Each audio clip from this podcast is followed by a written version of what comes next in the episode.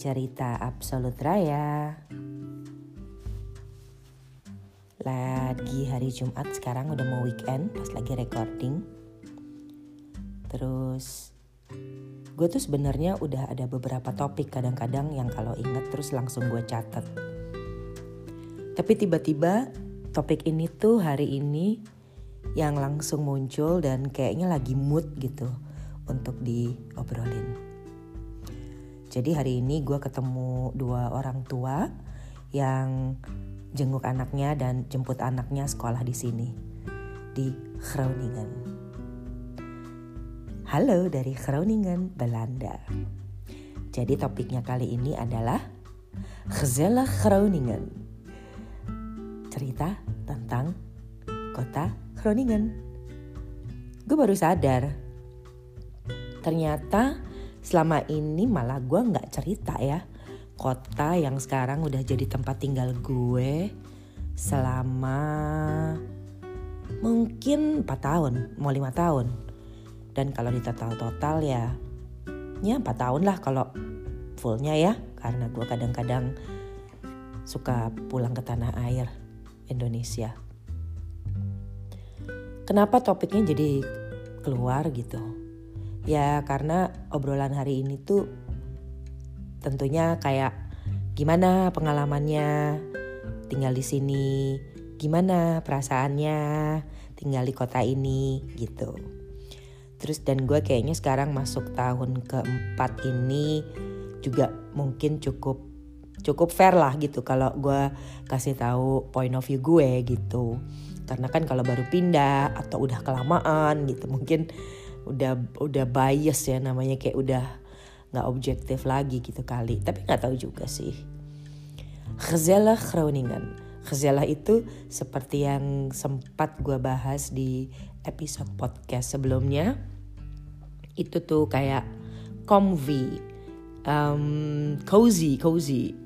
Banyak orang yang bilang kalau abis dari sini tuh ternyata kotanya tuh cozy banget Groningen um, backgroundnya sih kalau Groningen menurut gue Groningen itu kota di paling utara di Belanda.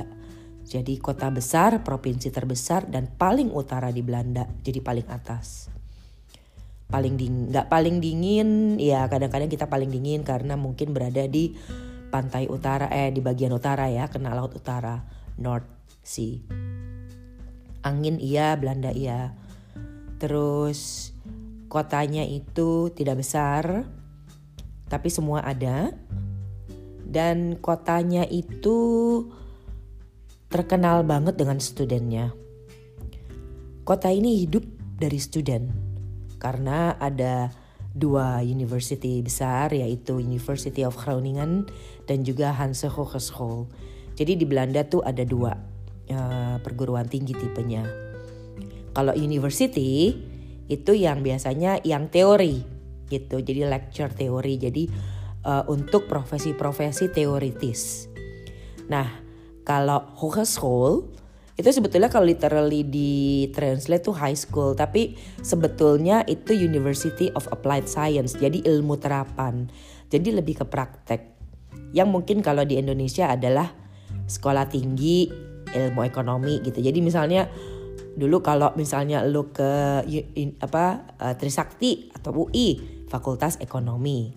Terus kalau ke Perbanas misalnya STIE Perbanas. Jadi kayak langsung perbankan gitu. Jadi langsung spesifik dan banyak prakteknya. Nah itu untuk di utara itu yang paling besar. Jadi banyak sekali student yang di lingkungan Belanda Utara ya, yang ke Groningen untuk ke university. Jadi banyak banget tuh di dari lokal Belandanya aja yang memang ke kota ini. Nah, kemudian kedua university ini juga sedang heboh-hebohnya, giat-giatnya promosi international student. Jadi kalau dulu kota ini tuh dibangun banyak sekali student yang PhD yang tentu saja membawa keluarga dan mungkin usia dan kedewasaannya gitu ya udah tinggi gitu ya karena udah berkeluarga dan udah berumur. Nah makin ke sini itu makin muda Bahkan ada university yang sekarang double degree. Jadi misalnya kayak kuliah setengah di Indonesia, kemudian setengahnya di sini. Atau juga exchange yang cuma 6 bulan. Bahkan ada yang bachelor, jadi dari lulus SMA langsung ke sini. Nah, kebayangkan jadi kotanya tuh makin muda, makin milenial gitu. Isinya emang anak muda banget. Jadi memang berasa banget kalau lo tuh apa eh, musim liburan ya, university tutup, itu kayak yang sepi gitu. Karena yang bikin hidup tuh emang kegiatan student ya. Uh, apa acara-acaranya, kemudian kegiatannya dan juga lingkungannya gitu. Banyak student house di sini. Terus yang gue seneng sih banyak makanan-makanan murah. Ya pokoknya kelas student yang memang affordable untuk untuk student. Toko-toko, barang-barangnya, uh, semua itu yang datang ke sini tuh untuk anak muda. Jadi yang gue senang itu di sini tuh gue berasa muda gitu. Karena dede dede banyak banget bo gitu ya. Seliwaran naik sepeda. Kegiatannya juga konser musik film arts uh, macam-macam lah. Itu mudah banget gitu. Dan uh, apa uh, fashionnya gitu. Terus lifestylenya. Jadi in general tuh mudah banget gitu gue seneng gitu karena karena ya ya bikin apa ya um, senang aja gitu kayak yang lihat kreativitas anak-anak muda dan kegiatan-kegiatannya. Jadi dan karena posisinya di utara menjadikan kota Groningen itu strategis ya untuk belajar. Karena nggak terlalu bisa keluyuran ke mana-mana, Bo. Godaannya kurang. Kalau mau ke mana ke airport kita ada airport ya, Groningen ada airport tapi nggak sebesar Schiphol di Amsterdam. Eh, yang kebanyakan destinasi itu berangkat dari sana. Jarak dari dari Groningen ke Amsterdam aja sekitar dua setengah jam ya. Bah naik kereta ataupun naik mobil tuh sama aja. Yang membuat effortnya tuh kadang-kadang lebih gitu kayak misalnya pergi ke Paris gitu atau pergi ke Itali naik pesawatnya sejam naik keretanya aja dua jam kita di sini gitu. Jadi kadang-kadang yang ini melamaan di Groningen Amsterdam ya dibanding ke sana. Tapi karena agak-agak jauh dari apa lingkungan dari pengaruh-pengaruh ya dari fasilitas lah gitu. Seperti kayak kalau mungkin di empat kota besar yang disebutnya Randstad di Belanda itu Utrecht, Amsterdam, Den Haag, dan Rotterdam. Itu empat kota besar yang semua bisnis ada di sana. Jadi eh, kegiatan kan banyak di sana jadinya. Jadi pure di Groningen itu memang kota-kota edukasi. Dan yang gue seneng sih karena isinya kota student tuh juga orang-orangnya jadi orang intelek lah ya gitu. Orang sekolahan ya tapi ada bercanda eh nakalnya anak-anak juga ya di sini. Jadi kebanyakan kayak kriminalitas itu yang kayak gitu-gitu tuh ya kenakalan-kenakalan student lah gitu. Yang eh, mabok lah atau bercanda bully atau ya kayak gitu-gitu. Jadi kriminalitasnya in general kayak begitulah. Satu dua ya ada gitu ya. Cuman ya student life gitu di sini. Nah Tadi obrolannya juga gitu, betah nggak, ini nggak gitu. Ya tergantung kadang-kadang dari mana lo berasal ya. Kalau berasal dari kota besar nih pengalaman gue. Dan bahkan gue alamin juga waktu setahun pertama lah gue pindah ke sini. Itu yang kayaknya, aduh eh, boring banget bo gitu. Karena di sini apa-apa jam 6 udah tutup ya. Cuman hari Kamis doang namanya Coop Avon, malam berbelanja gitu itu bukannya sampai jam 10 tapi in general semua itu jam 6 tutup. Jadi memang lifestyle-nya uh, jam 6 itu ya orang tuh udah pada di dalam rumah. Dinner jam 6 malam gitu ya udah masak gitu. Nah abis itu ya duduk-duduk cantik ngopi dan ngeteh depan TV sambil ngobrol sama keluarga itu kan nggak ada ya di agenda di gue gitu ya di kehidupan gue dan mungkin sekarang di kehidupan kehidupan dede-dede yang berasal dari kota besar di Indonesia gitu yang gue tahu. Jadi mereka tuh kayak basi banget gitu yang aduh ngapain? gitu. Kafe-kafe sih kalau bar gitu pasti buka dan restoran yang restoran banget gitu pasti buka. Tapi kayak toko, uh, department store, pokoknya yang sightseeing yang gitu-gitu udah udah nggak udah udah tutup. Jadi emang lo kalau di luar tuh either ya lo mesti emang makan atau minum gitu. Atau ya memang ada event ya uh, musik atau apa gitu. Tapi kalau buat cuman yang keluar-keluar hangout-hangout jalan sightseeing gitu nggak ada gitu. Tapi itu gue kayak masih banget nih ngapain? gitu ya. Karena kebiasaan kita selalu kayak di luar ya jadi di sini itu toko-tokonya kan ya seperti like kayak Eropa gitu ya dan uh, jarang ada mall. Jadi memang nggak ada mall. Jadi mall culture-nya yang Indonesia tuh udah mulai mendarah daging itu nggak dapet di sini nggak ada gitu. Dan itu yang kayak jet mall mall mall culture jet lag gitu. Mall culture culture lag. Nggak ada bo. Itu ngapain gue ya gitu. Tapi kemudian yang gue rasain adalah dan gue ngobrol juga dengan temen gue dari Jakarta yang juga ngalamin perasaan kayak gue setelah beberapa tahun di sini bahwa ternyata kita lebih dekat sama keluarga. Karena sering ngobrol, sering di rumah bareng, ngapa-ngapain bareng, jadi kayak waktunya tuh banyak. Dan karena di sini semua dikerjain sendiri, jadi memang teamwork keluarga juga jalan ya. Begitu pulang di rumah nyiapin makan. Lalu kalau ada yang uh, rusak, siapa yang benerin gitu ya. Jadi teamworknya jalan. Nah di situ jadi lebih tahu suami, lebih tahu anak gitu karakternya dan lebih ngobrol kayak catch up tiap hari tuh beneran ngobrol face to face bukan cuma seminggu sekali atau lewat WhatsApp gitu kayak tiap malam tuh emang bisa gitu ngomong yang hey um, how's your day? gitu. Literally um, gue selalu bisa tiap hari ngomong how's your day? ke suami gue. Dan yang gue amazing adalah ternyata banyak sekali gue bisa ngerjain banyak gitu. Jadi pagi bangun terus bikin sarapan sendiri ya. Lalu abis itu kerja ya. Ritual gue kerja lewat internet misalnya. Atau abis itu uh, gue mesti keluar ya meeting atau gue harus sekolah misalnya.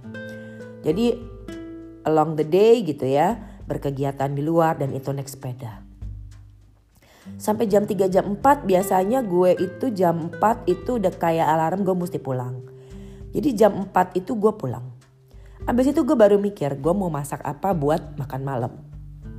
Baru gue mampir ke supermarket.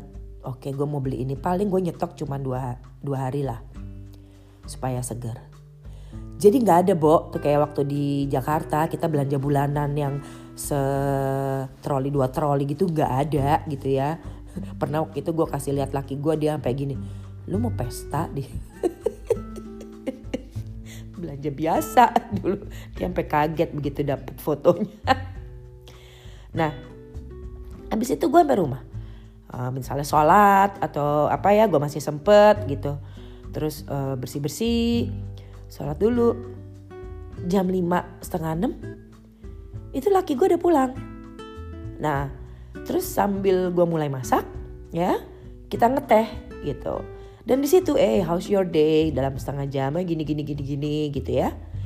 Ya, terus the latest jam enam setengah tujuh itu kita udah makan malam di sini. Itu pun sambil makan segala macam. Dan ada rulesnya kalau di rumah gue, misalnya kalau gue udah masak, gue nggak akan clean up gitu. Tapi kalau misalnya suami gue masak, ya gue yang clean up gitu. Jadi gantian lah.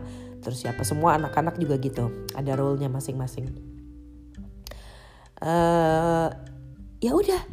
Terus udah gitu gue kadang-kadang sambil gue masak ya gue suka amazed sendiri. Gila ya kok gue sempet ya apa-apa gue kerjain sendiri.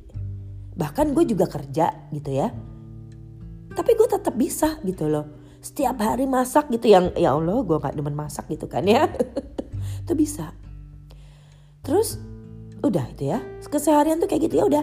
Habis itu kita duduk-duduk nonton TV Kemudian um, ngobrol ya tentang kita apalah gitu diobrolin. Kalau kita perlu kerja sedikit kerja, kalau kita perlu kerjain voluntary work baru kita kerjain sejam gitu misalnya di laptop.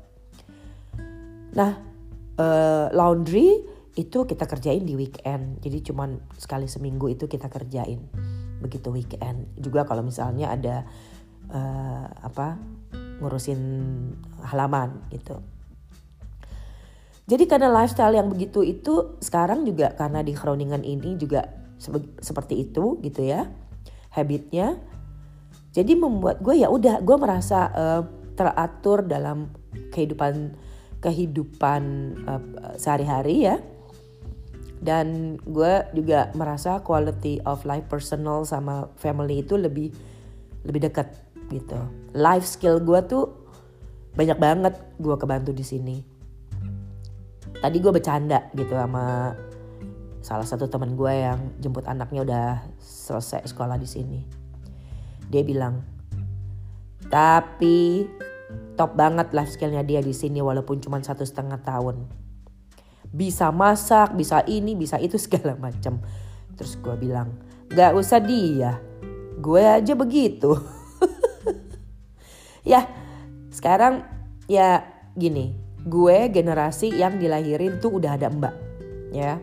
Jadi gue emang ya di keluarga gue ada mbak gitu. Jadi gue anak mbak ya. Semua urusan life skill sebenarnya tuh kayak gue nggak pernah kerjain bo.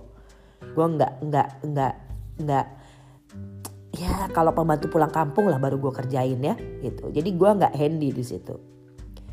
Terus anak gue.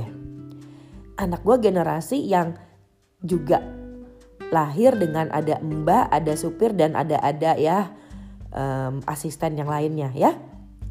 Kemudian sekarang juga masuk kayak kalau di kota besar di Indonesia ada online-online ya, pesan makan online gitu. Go go go food, Gojek, Grab, Uber ya. Di sini juga ada di Belanda. Nah, jadi bayangin pergeserannya dari anak mbak sekarang yang umur-umur 15 gitu kan ya yang udah bisa mesen apa-apa sendiri 18 gitu itu menjadi anak GoFood Bo. Mungkin dia nggak tahu cara bikinnya. Kalau dulu gue masih lihat mbak gue bikin sesuatu di dapur ya kalau anak sekarang mungkin udah nggak lihat udah jarang orang punya pembantu. Mesen makanan cuma tinggal pencet-pencet dateng. Gimana coba dia taunya mungkin ayam goreng tuh dari layar handphone. bukan dari peternakan ayam. Atau bukan dari supermarket. Kan bisa aja ya kalau itu logiknya kita coba kita nggak sadar gitu. Jadi di sini kayak gitu gitu kotanya.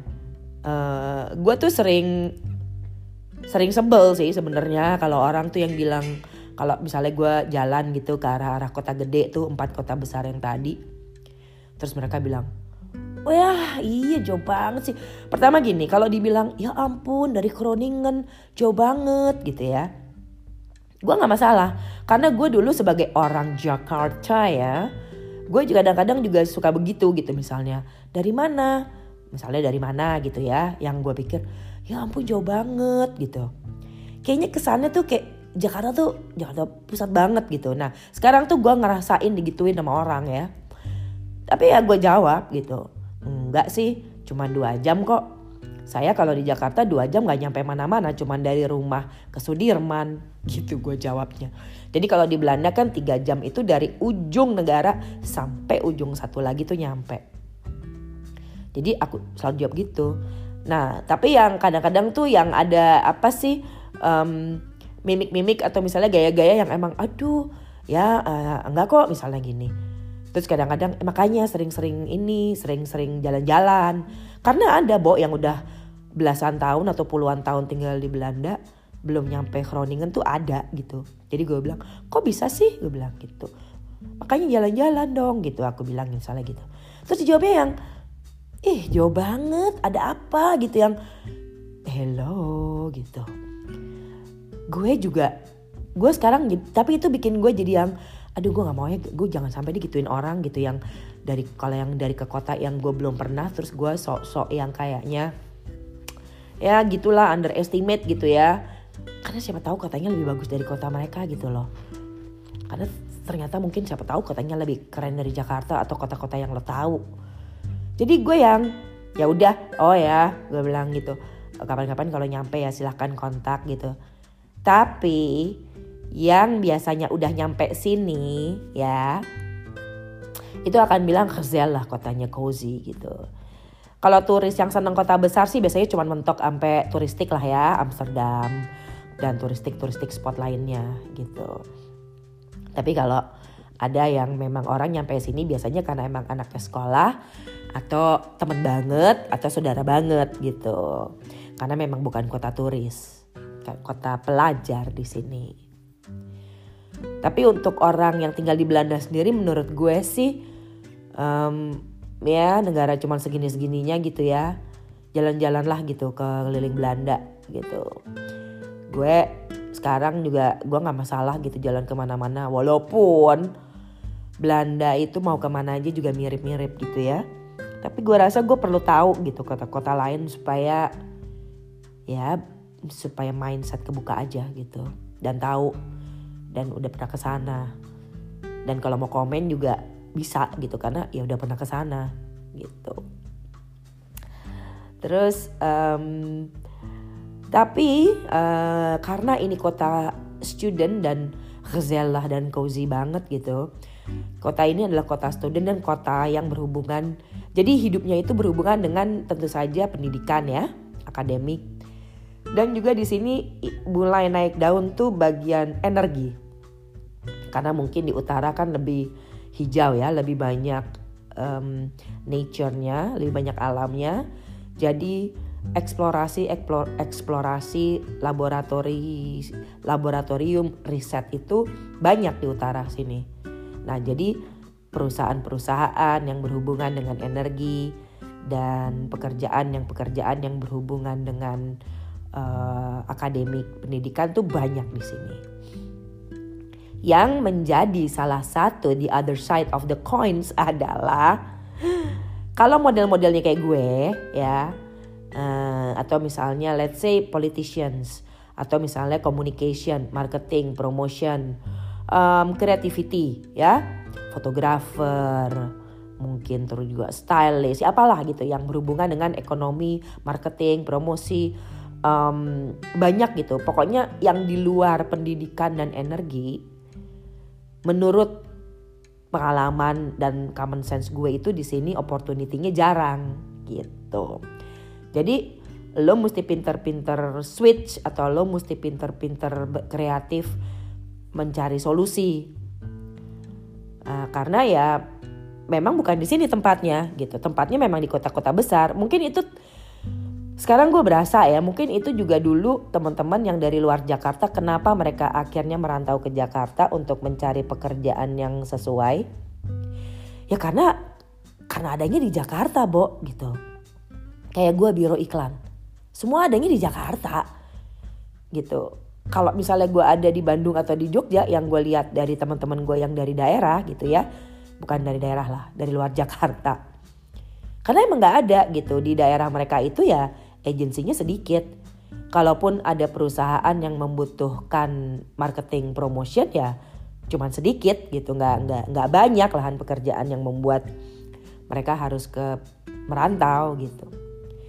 Jadi emang kota ini kalau tujuan lo apa gitu ya di sini.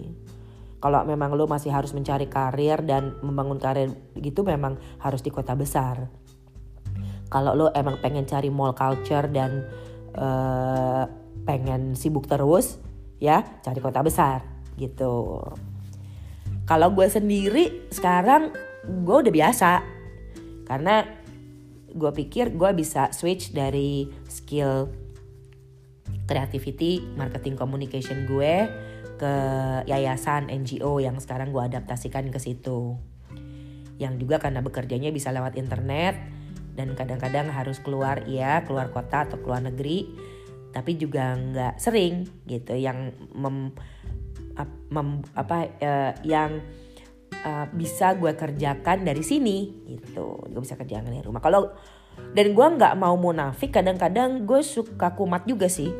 Jadi gue tuh suka kangen gitu yang namanya brainstorming ketemu teamwork tiap hari atau meeting tiap hari. Jadi I miss my rush adrenaline gitu. I miss my explorative adrenaline. I miss my um, chaotic adrenaline gitu. Itu itu pokoknya yang chaosnya di dunia creativity ya. Kan gitu exploring brainstorming you are uh, inventing something new gitu. Nah itu kadang eh, gue gue masih kangen gitu. Karena gue emang ya lama di situ ya nah kalau kayak gitu ya gue gue pergi. Gue ketemu orang-orang yang kayak gitu gitu. Gue ketemu orang-orang yang kayak gitu brainstorming atau misalnya Skype ya. Nah orang-orang kayak gitu bikin nah itu bikin gue oh ya kita ketemu gitu. Jadi um, kadang-kadang gue kadang-kadang suka bilang gitu kalau lu masih umur 20-an 30-an lo emang pengen um, kejar mimpi lo ya lo nggak bisa di sini gitu karena di sini adalah lo sekolah tempat yang bagus untuk sekolah dan kondusif lingkungannya. Mungkin sampai master mungkin sampai ya kalau PhD nanti balik lagi gitu ya. Tapi kalau lo mau kerja lo mau um, ketemu dengan orang dari seluruh dunia dan di dunia kerja dengan opportunity yang terbuka you have to go out gitu. Gue nggak mau muna. Jadi ya kotanya sendiri memang khazala gitu dengan ritmenya dan dengan uh, orang-orangnya karena mereka memang tidak membutuhkan ritme kerja yang secepat itu gitu. Nah, buat orang-orang yang punya ritme kerja atau adrenalin yang kayak agak gue nih, banyak yang pindah ya. Banyak yang pindah ke kota besar untuk untuk mendapat pekerjaan yang cocok atau mereka travel kayak beberapa kali gitu. Jadi kayak suami gue gitu ya, ya dia itu dia tetap based di Groningen cuman ya dia banyak kerja ke kota-kota lain gitu. Karena memang kami masih uh, merasa nyaman di sini. Dan juga mungkin karena umur. Gue pernah bilang laki gue gila ya kalau lo tinggalnya di Randstad itu di daerah-daerah kota besar itu kayaknya gue nggak bakalan pernah di rumah deh. Kayaknya gue bakalan keluyuran gitu. Karena ya semua possible gitu loh. Lo mau ke mana lo mau ke mana bahkan lo mau naik kereta ke luar negeri makin deket kan. Tapi kalau di sini ya gue kalau gue mau keluar gue harus bener-bener efektif gitu. It's worth it gitu karena jauh. Dan membuat gue slowing down juga which is good for my um, balance of life gitu. Karena gue nggak mau juga terlalu ngoyo ya. Tapi gue juga nggak mau terlalu santai gitu. Jadi ya 50-50 gitu. Kita bisa slow down tapi di mana kita mesti apa gaspol kita kita mainkan gitu. Ya jadi um, Belanda kecil kalau buat yang tinggal di Belanda belum ke Groningen main-main deh beneran gitu. Um, gue juga kalau pergi-pergi ke daerah sana tektok nyampe kok gitu. Nggak perlu nginep. Jadi dan apalagi Groningen kotanya kecil ya. Jadi lu seharian juga juga juga bisa gitu. Um, dan ya it's it's worth lah kayak lo travel ke kota di utar utara di Belanda gitu dan lo travel di kota ter uh, selatan di Belanda gitu which is itu Maastricht namanya ya ibu kota, kota besarnya. Worth it gitu. Jadi dan mungkin uh, buat teman-teman yang dari luar Belanda yang um, traveling atau yang turis gitu kalau ada waktu atau kalau keberapa kalinya ke Belanda jalan-jalanlah ke, ke utara ya. Kenapa Gitorn itu ada di utara? Ya karena nature-nya emang masih bagus. Jadi it's the nature of the Netherlands gitu. Nggak masih pure masih bagus udara masih oke. Okay. um, mampir-mampir ke Kroningen ditunggu. Aku akan gelar karpet merah di rumahku um, silakan di Google uh, Groningen yang biasanya keluar adalah the most cycling cycling city in the world. Yaitu kuda Belanda juga penggemar sepeda dan di sini studennya banyak. Jadi memang wah sepedaan tuh top lah. Lo sepedaan di kota sepeda di dunia gitu loh. Wow ini kayaknya podcast terlama gue nih. Nggak berasa. Ya kan? Ternyata gue lupa cerita tentang kota gue sendiri. Well I love Groningen. Uh, and um, it, it is cozy. Gezellig. Gitu. silakan Google uh, Groningen buat nama-nama info. Lebih banyak pasti dan ada gambarnya. Uh, ditunggu kalaupun mau tanya-tanya soal Groningen silahkan. Bisa colek aku di sosial media Absolut Raya. Dan juga kalau ada ide-ide komen-komen uh, atau apa pun deh ya. Oke sampai jumpa lagi. Duduy.